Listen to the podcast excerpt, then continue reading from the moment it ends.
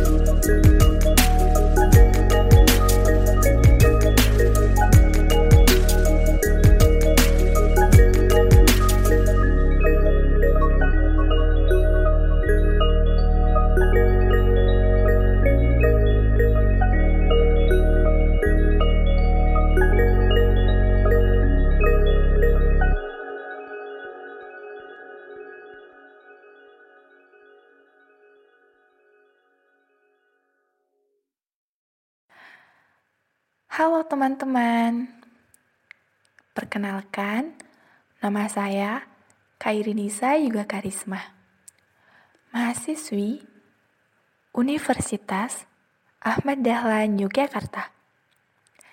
Di sini saya akan menyampaikan podcast pertama saya terkait ayo terapkan physical distancing. Sebelumnya, Teman-teman, apa kabar semuanya? Semoga kalian baik-baik saja ya di tengah pandemi corona ini. Amin.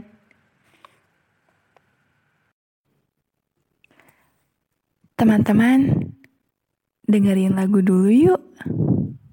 Selamat mendengarkan.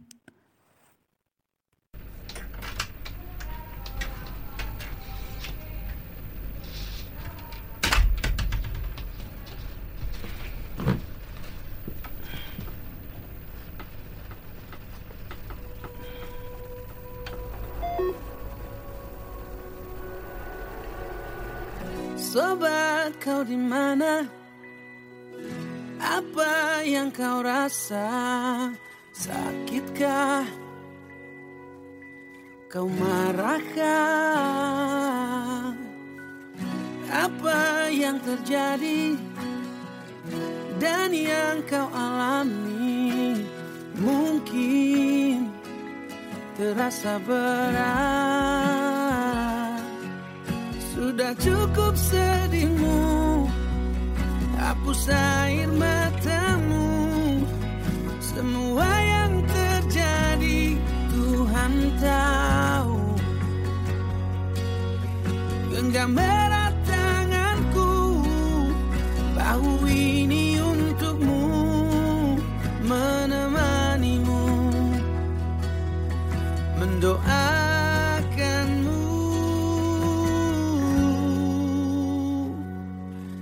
Tersenyumlah kau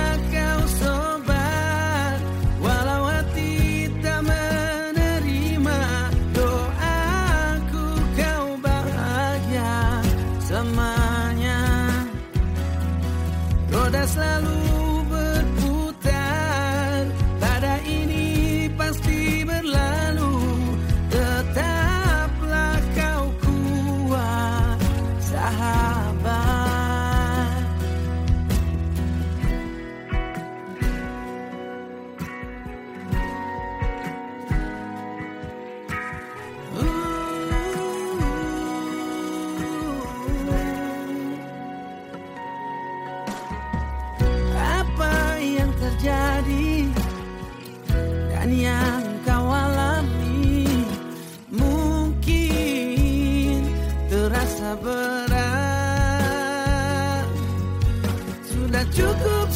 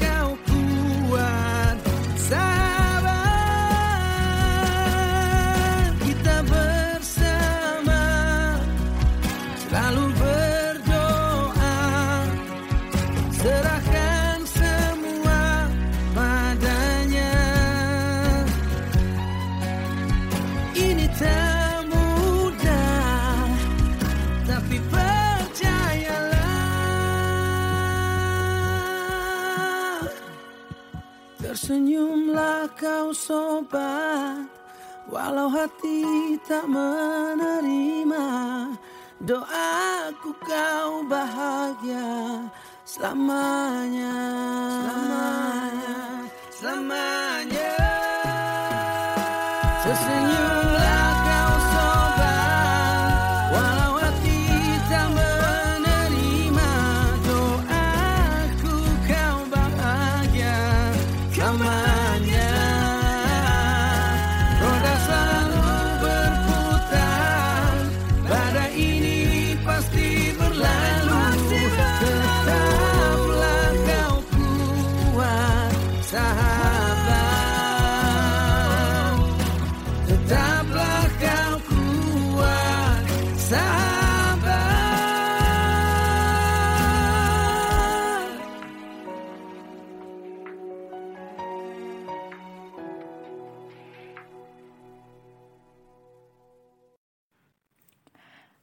Setiap harinya, informasi penanganan COVID-19 selalu disampaikan oleh jubir atau juru bicara COVID, yaitu Bapak Ahmad Yuryanto dan Dr. Raisa, yang selalu disiarkan di televisi.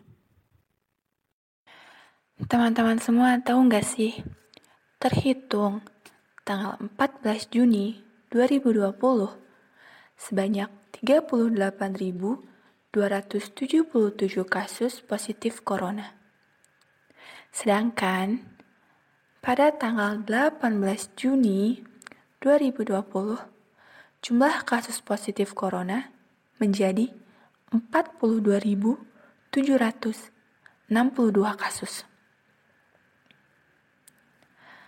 Hal ini menunjukkan bahwa kian hari kian bertambah kasus positifnya. Untuk mengurangi kemungkinan penyebaran virus corona yang mudah menular ini, pemerintah Indonesia dan Organisasi Kesehatan Dunia atau WHO menganjurkan masyarakat untuk menjaga jarak dengan orang lain melalui physical distancing.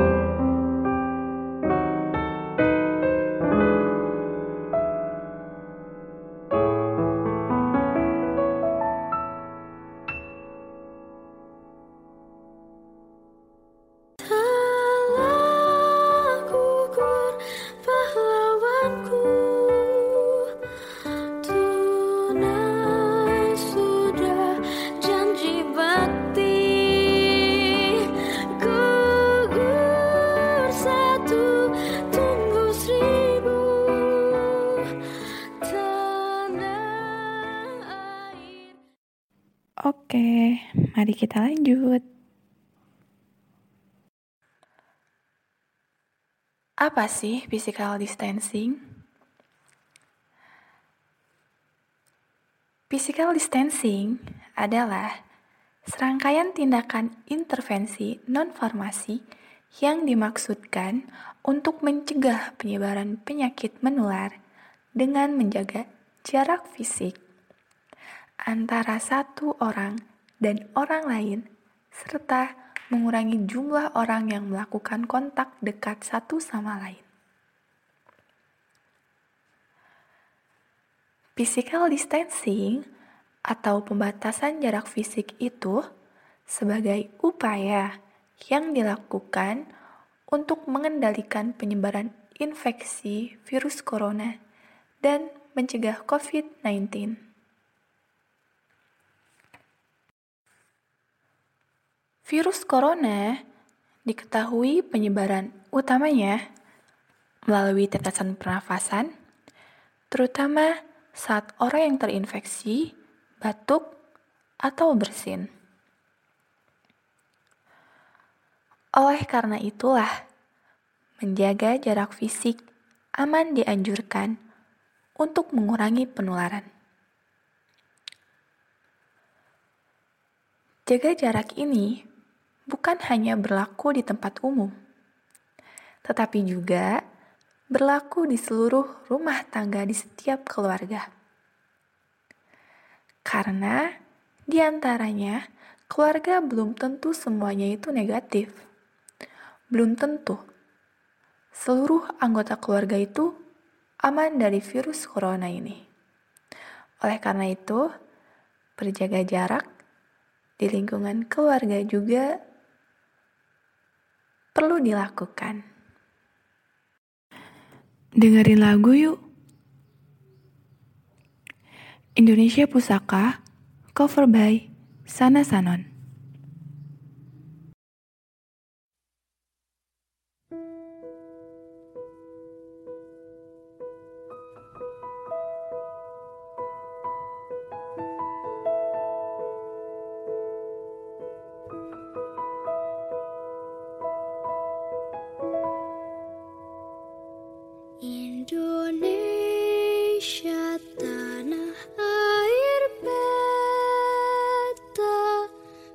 Pusaka abadi nan jaya. Indonesia sejak dulu kala tetap dipuja-puja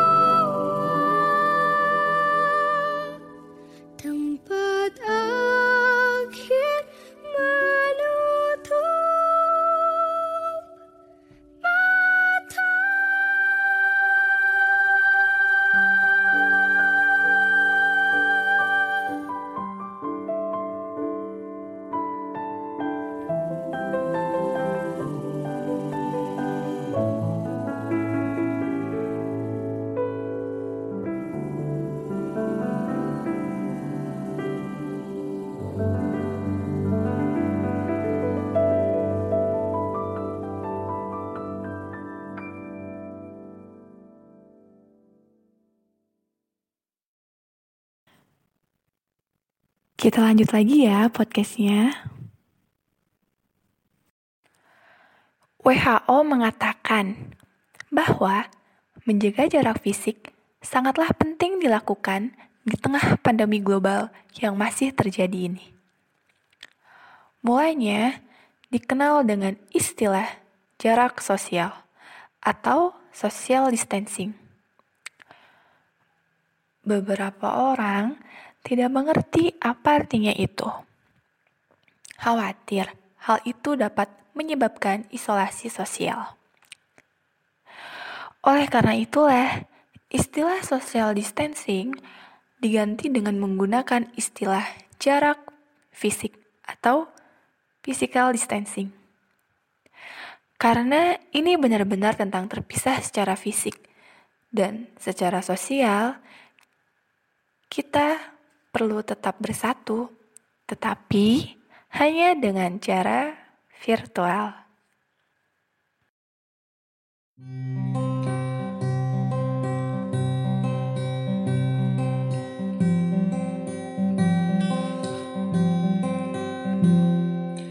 Dunia kini tengah berduka Cobalah untuk buka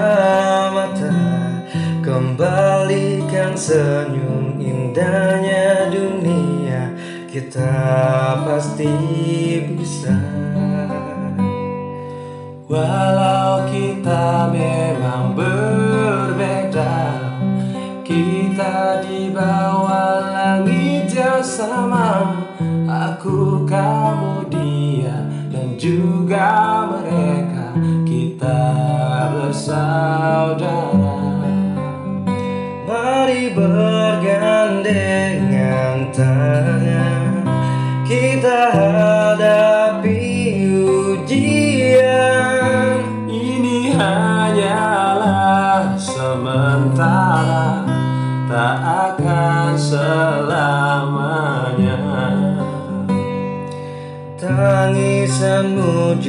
juga tangisku Deritamu itu deritaku. Berhenti menangis hapus air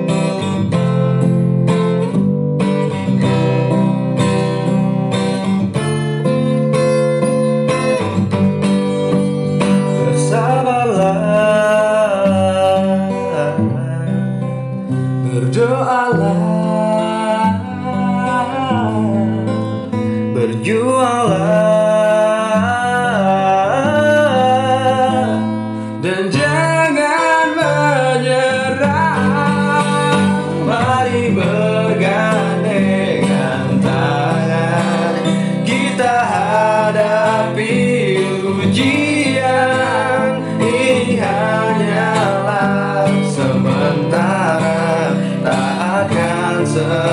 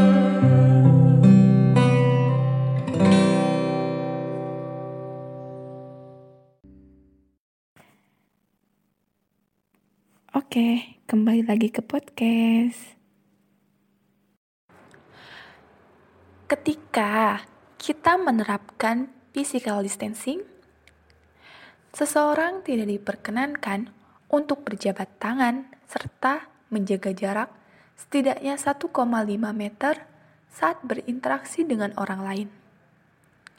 Terutama dengan orang yang sedang sakit atau beresiko tinggi menderita COVID-19. Orang-orang pun harus menghindari kerumunan. Berbagai kebijakan dan langkah pun dilakukan oleh setiap negara yang mengonfirmasi COVID-19 di negaranya. Mulai dari penutupan bandara, tempat yang mengundang keramaian, hingga pembatasan terhadap pergerakan warganya. Dengerin lagu yuk. Rizky Febian melawan demi dunia.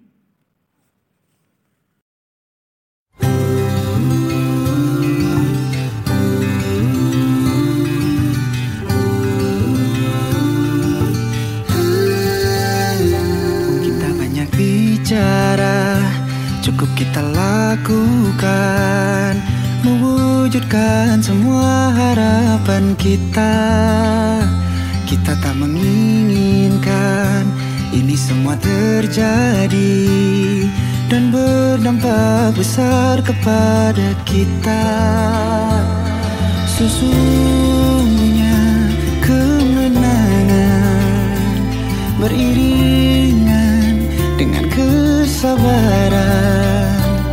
Marilah kita semua saling peduli kita. Percayalah, kita akan buktikan. Percayalah, kita akan taklukkan dunia harapan jadi nyata impian kan terwujud karena kita bisa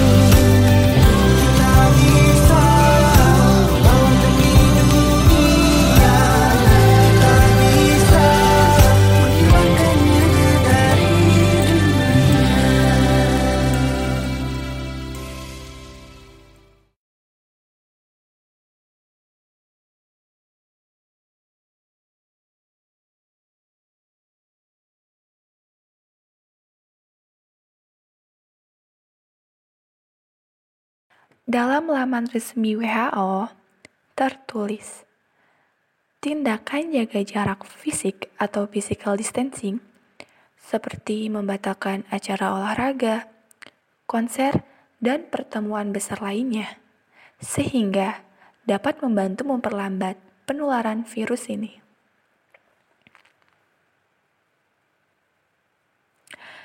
Hal ini memiliki arti untuk tetap di rumah, kecuali untuk hal-hal penting seperti berbelanja bahan makanan. Dan masyarakat pun diharapkan untuk menjaga jarak sekitar 1,5 meter atau 2 meter dengan orang lain.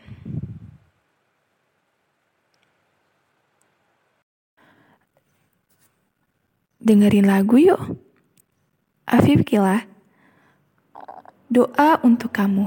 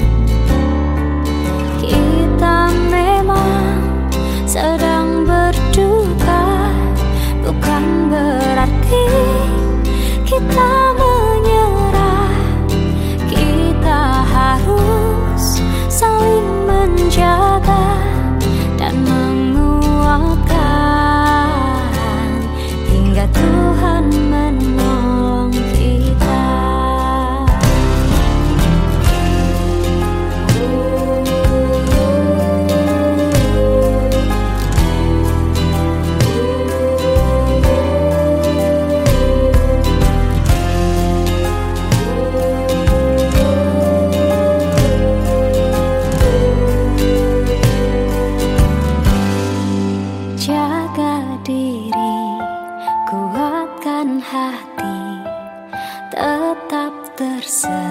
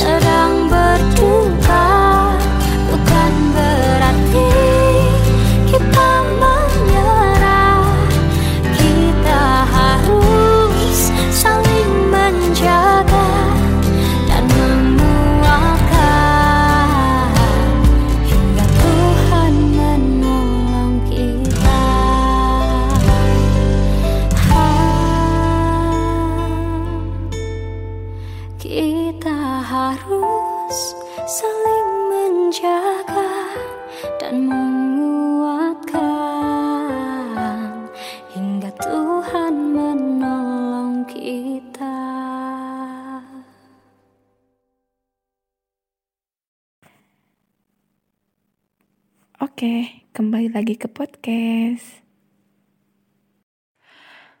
Mengapa sih perlu dilakukan physical distancing?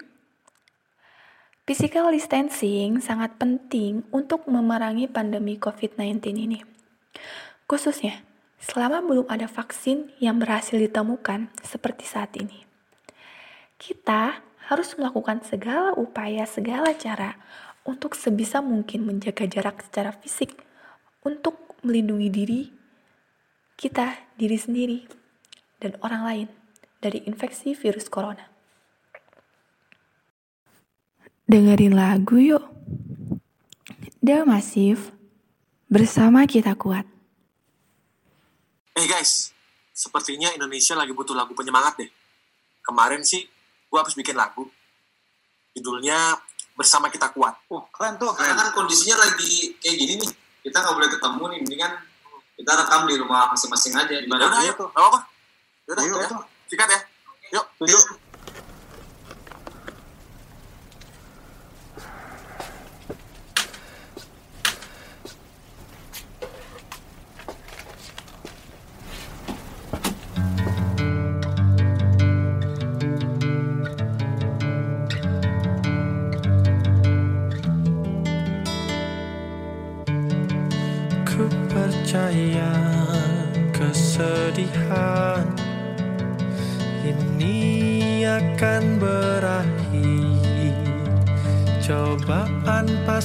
Berlalu atas izinnya. Cinta yang kan menguatkan Jiwa-jiwa yang telah rapuh. Doa-doa baik yang kita panjatkan. Kita harus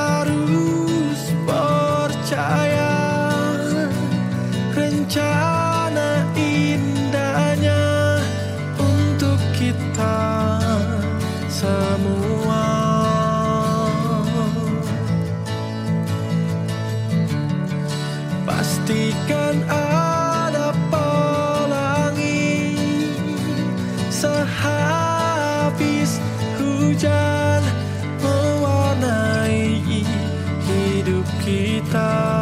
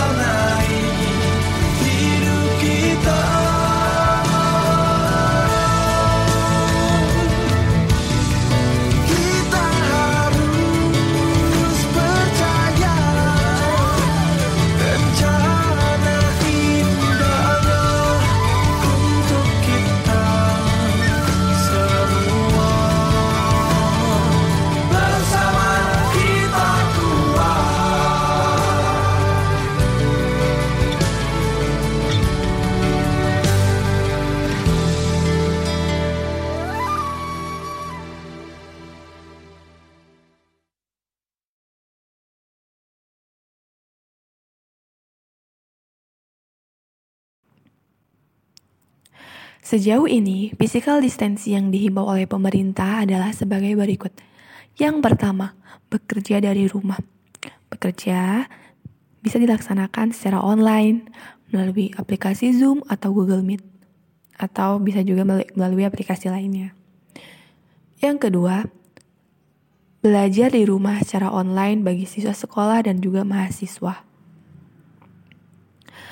Perkuliahan atau sekolah secara online dijalankan agar perkuliahan dan sekolah bisa berjalan di tengah pandemi corona ini. Misalnya melalui aplikasi Google Classroom, e-learning, WhatsApp, dan juga bisa melalui video call seperti melalui Zoom dan juga Google Meet. Perkuliahan atau sekolah secara online ini mempunyai sisi positif dan negatifnya. Sisi positifnya, perkuliahan dan sekolah masih tetap bisa berjalan di tengah pandemi corona ini walaupun tidak melalui tatap muka langsung.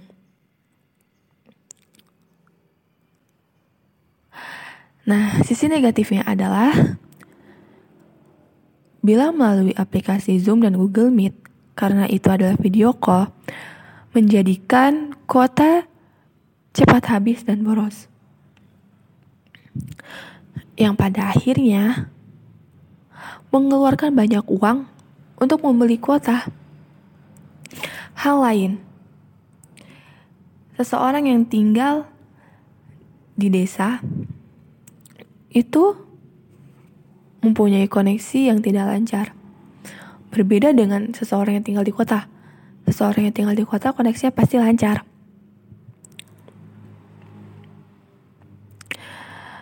Nah, yang menjadikan seseorang tersebut tidak sepenuhnya memahami materi. Karena tadi, kendala koneksi yang kurang lancar. Suara bisa saja terputus-putus. Tapi mau gimana lagi gitu? Kita harus menikmati perkuliahan secara daring agar kuliah dan juga sekolah tetap berjalan.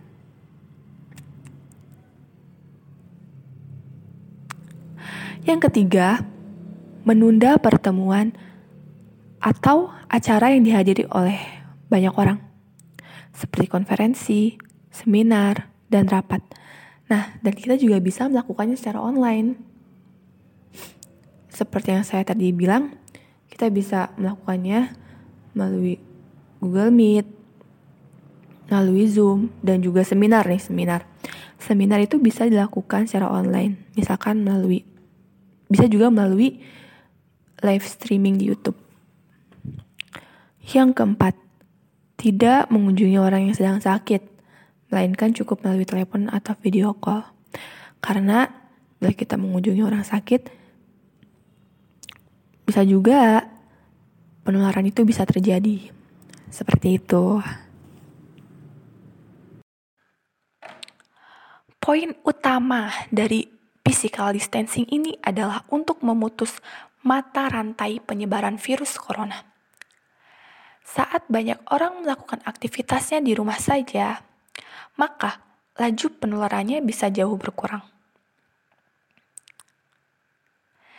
Jika jumlah orang yang tertular virus corona tidak terlalu banyak, maka para tenaga medis bisa memiliki waktu, tenaga, dan sarana yang cukup untuk mengobati mereka yang sudah terpapar virus COVID-19 secara efektif dan efisien.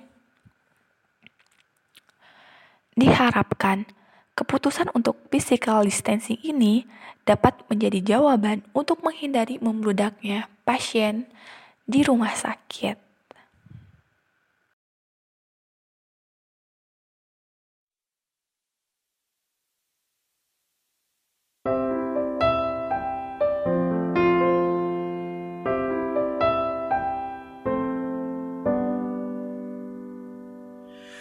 Kau berikan jiwa ragamu. Kau relakan semua waktumu. Untuk tetap terjaga Atas semua yang telah terjadi Kau korbankan semua tanpa terhenti Kau lupakan semua lelahmu. Kau buktikan pengabdianmu. Untuk tetap berjuang Walau nyawa pun taruhannya Kaulah pahlawan sesungguhnya Tetaplah tersenyum Hadapi segala cobaan. Percayalah semua ini akan berakhir. Tuhan pastikan membalas Semua yang telah kau lakukan. Doa ini selalu ada untukmu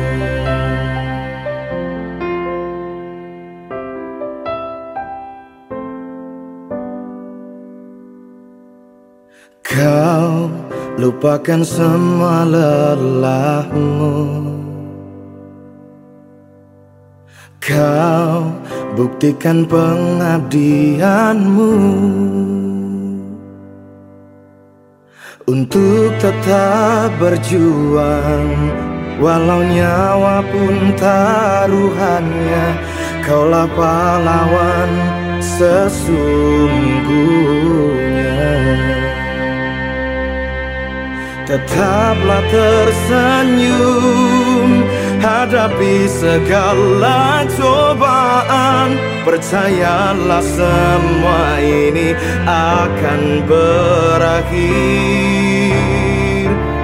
Tuhan pastikan membalas Semua yang telah kau lakukan. Doa ini selalu ada untukmu Jenis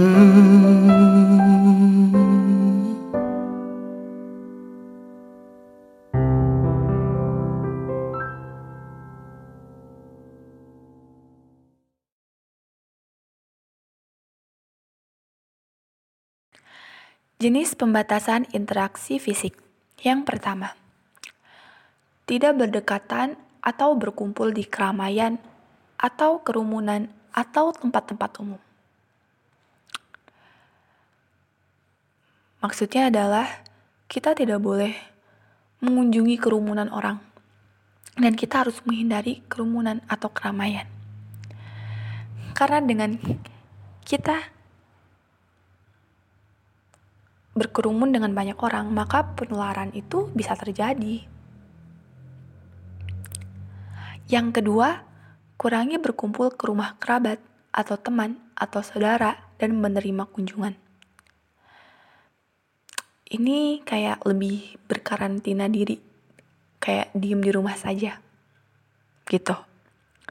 Yang ketiga jika terpaksa keluar ke tempat umum kenakan masker. Ya jika kita keluar dalam keadaan apa pun kita harus menggunakan masker sebagai pencegahan penularan virus corona. Yang keempat tidak menyelenggarakan kegiatan dengan banyak peserta itu dia tadi. Karena kita harus menghindari kerumunan. Kalau misalkan kita mengadakan kegiatan yang banyak pesertanya maka akan mengundang banyak orang dan penularan virus corona pun akan terjadi. Atau bisa terjadi. Gitu. Yang kelima menghindari melakukan perjalanan ke luar kota atau ke luar negeri. Oh ini jelas. Ini harus harus menghindari banget gitu atau sekarang itu dikenal dengan istilah kayak lockdown. Kita nggak boleh ke mana-mana kita harus diem di rumah aja. Terus yang keenam hindari bepergian ke tempat-tempat wisata. Ya. Yang ketujuh kurangi frekuensi belanja dan pergi berbelanja. Jika terpaksa usahakan belanja tidak saat jam ramai. Yang kedelapan menerapkan bekerja dari rumah. Seperti yang dikatakan saya tadi, bekerja bisa dilakukan secara online. Yang kesembilan, jaga jarak dengan orang minimal 1,5 meter. Yang kesepuluh, batasi kegiatan anak di luar rumah.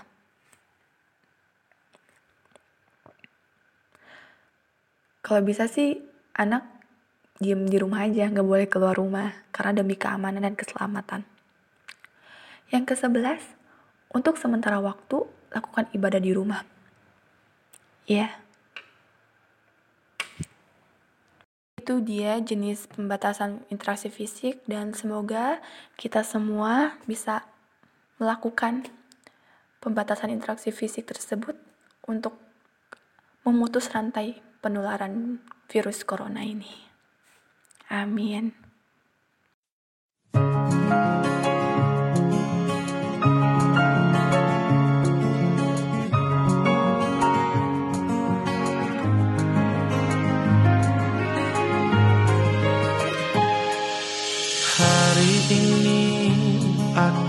Pun sendiri. Ku di sini lebih baik menyendiri. Kali ini ku harus menepi Agar esok bisa ku lewati. Jaga diri saling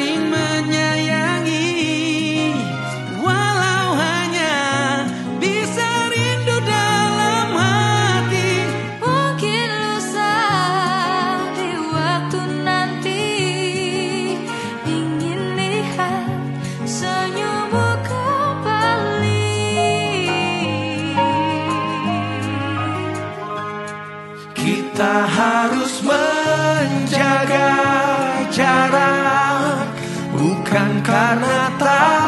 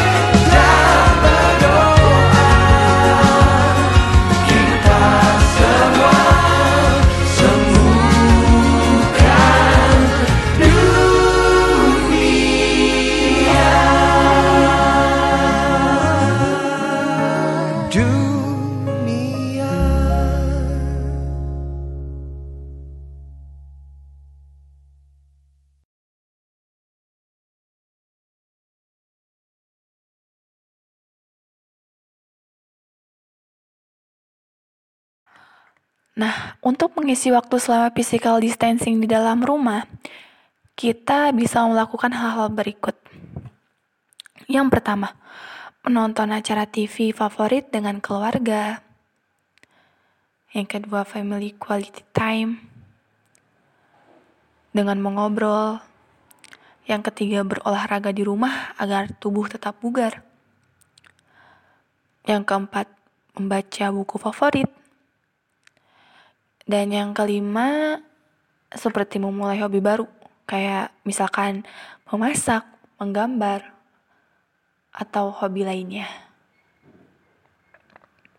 Atau misalkan nih, kalau misalkan di rumahnya ada kolam, ikan, kita juga bisa melakukan mancing, mancing ikan bersama keluarga kita gitu.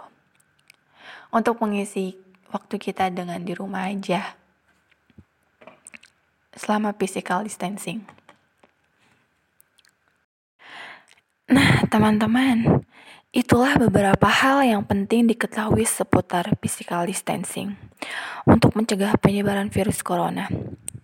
Semoga kita bisa menerapkan aturan physical distancing. Dan teman-teman semuanya tetap jaga kesehatan dan meningkatkan imunitas tubuh dan keluarga selama beraktivitas di dalam rumah dan melakukan physical distancing.